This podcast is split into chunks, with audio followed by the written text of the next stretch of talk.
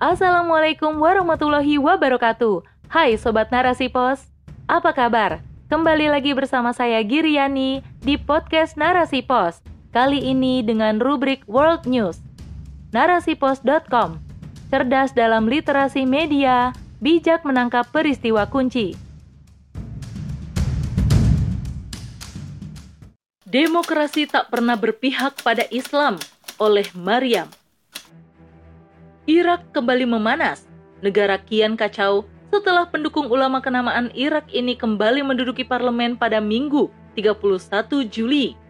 Di tengah kekosongan kursi Perdana Menteri sejak pemilu 10 bulan lalu, kini para aksi demonstrasi membuat Irak makin larut dalam konflik politik yang berkepanjangan. Koalisi pendukung Muqtada Sadr berhasil meraup suara paling banyak di parlemen dengan memenangkan 73 kursi menjadikan fraksi Sadr terbesar di parlemen. Namun, perundingan pembentukan pemerintah ini masih mandek sejak pemilu berlangsung. Setelah mencoba berulang kali, akhirnya parlemen mengajukan sejumlah nama dan koalisi untuk mengisi kekosongan pemerintahan tersebut. Gelombang unjuk rasa kian membara akibat keputusan kerangka kerja koordinasi di parlemen untuk mencalonkan mantan menteri kabinet yakni Muhammad Sia al-Sudani sebagai Perdana Menteri. Hal ini memicu Sadar untuk memberontak karena fraksi dari Sudani merupakan musuh bebuyutan Sadar selama ini. Hingga kini, gejolak ambisi dalam parlemen pemerintahan terus berkoar. Belum ada jalan tengah untuk menyelesaikan permasalahan yang semakin meruncing tajam, hingga Sekjen PBB, Antonio Guterres, mendesak agar pihak-pihak di Irak bisa segera menggelar dialog damai dan inklusif. Pada dasarnya, sistem demokrasi saat ini sangat adaptif terhadap pemikiran, ajaran, dan paham apa pun. Namun, tidak pada Islam. Ajarannya kerap kali diwaspadai, bahkan dikriminalisasi, sehingga tak ada peluang sedikit pun penerapan ajaran Islam kafah oleh institusi negara. Pemisahan agama dari kehidupan, terlebih urusan perpolitikan, merupakan tujuan yang diambil dalam sistem demokrasi yang dinaungi kapitalisme ini mereka menghasilkan ide yang disebut dengan Vox Populi Vox Dei, yang artinya suara rakyat itu sejatinya adalah suara Tuhan. Karena rakyat pasti ingin memberikan kebaikan pada diri mereka. Fatalnya, sistem buatan para pemikir Eropa ini dieksplorasi oleh negeri-negeri kaum muslim. Dan sayangnya, umat Islam mengambil pemikiran tersebut karena dianggap mirip dengan Islam. Karena menilai prinsip musyawarah dalam demokrasi sejalan dengan anjuran umat Islam yang sangat menjunjung tinggi musyawarah.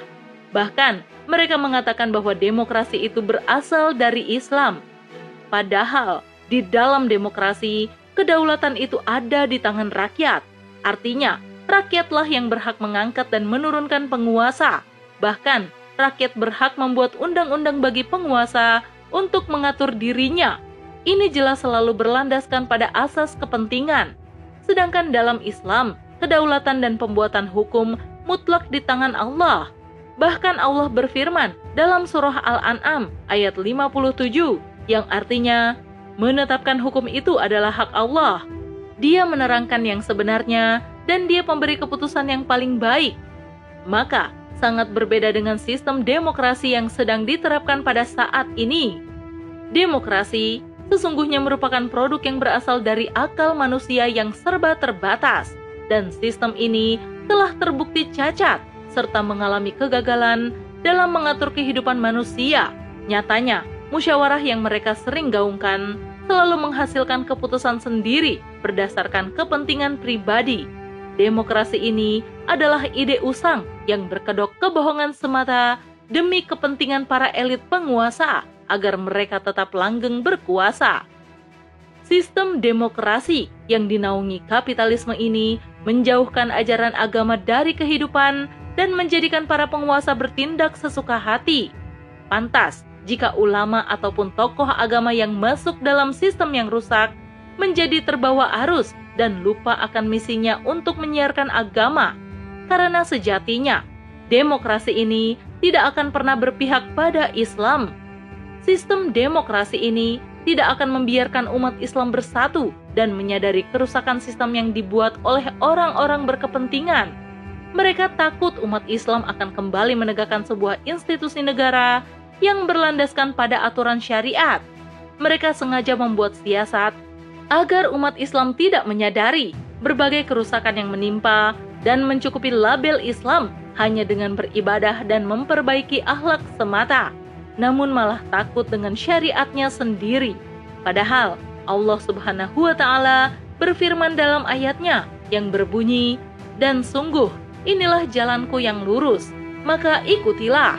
Jangan kamu ikuti jalan-jalan yang lain yang akan mencerai-beraikan kamu dari jalannya. Demikianlah Dia memerintahkan kepadamu agar kamu bertakwa." Quran Surah Al-An'am ayat 153.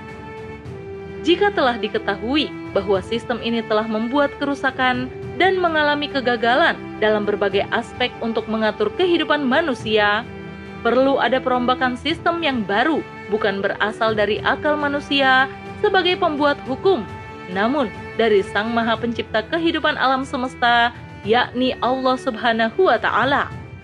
Sistem pemerintahan dalam negara Islam yang disebut khilafah mempunyai ciri khas yang akan berdiri tegak di atas empat pilar utama. Pertama, kedaulatan ada di tangan syara, bahwa legislasi dalam Islam mutlak hak Allah Subhanahu wa taala semata. Kedua, kekuasaan ada di tangan umat, bahwa kelak umat yang memilih khalifah yang akan menerapkan hukum-hukum Islam. Ketiga, memilih satu orang khilafah wajib bagi kaum muslimin.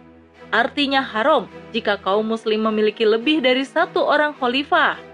Dan terakhir, khalifah menerapkan hukum syara sesuai Al-Quran, As-Sunnah, Ijma sahabat, dan kias syari.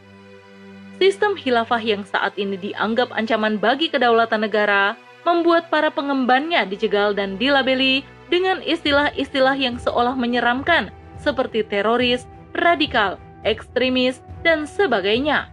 Padahal, Ketiadaan khilafah inilah yang menjadikan penderitaan semakin merajalela. Tanpa khilafah, umat Islam kehilangan perisai. Ketiadaan negara dalam naungan Islam ini membuat nyawa umat Islam menjadi amat murah di bawah negara-negara imperialis. Mudah sekali umat Islam dipecah belah, dipropaganda, dan dijadikan saling bermusuhan hingga mencurigai dan membunuh satu sama lain terbukti apa yang dipaparkan oleh Imam Ahmad radhiyallahu anhu yang mengatakan adalah fitnah atau bencana jika sampai tidak ada seorang imam atau khalifah yang mengatur urusan rakyat. Imam Al-Ghazali pun pernah mengatakan bahwa agama dan kekuasaan merupakan dua saudara kembar. Agama adalah dasar dan kekuasaan adalah penjaganya. Dalam Islam, fungsi pentingnya ada hilafah adalah untuk melindungi umatnya. Rasulullah Shallallahu Alaihi Wasallam pernah bersabda, sesungguhnya imam atau khalifah itu laksana perisai, tempat orang-orang berperang di belakangnya dan berlindung kepadanya. Hadis riwayat Muslim. Maka, kini satu-satunya solusi untuk mengatasi problematik umat saat ini adalah menjadikan Islam sebagai ideologi atau mabda menjadi poros kehidupan. Sehingga kaum muslim bisa bangkit untuk berjuang menegakkan khilafah di muka bumi ini. Karena hanya dengan khilafah, syariat Islam bisa diterapkan, keadilan bisa tercipta, dan kesejahteraan selalu terjaga. Wallahu a'lam bisawab. Wassalamualaikum warahmatullahi wabarakatuh.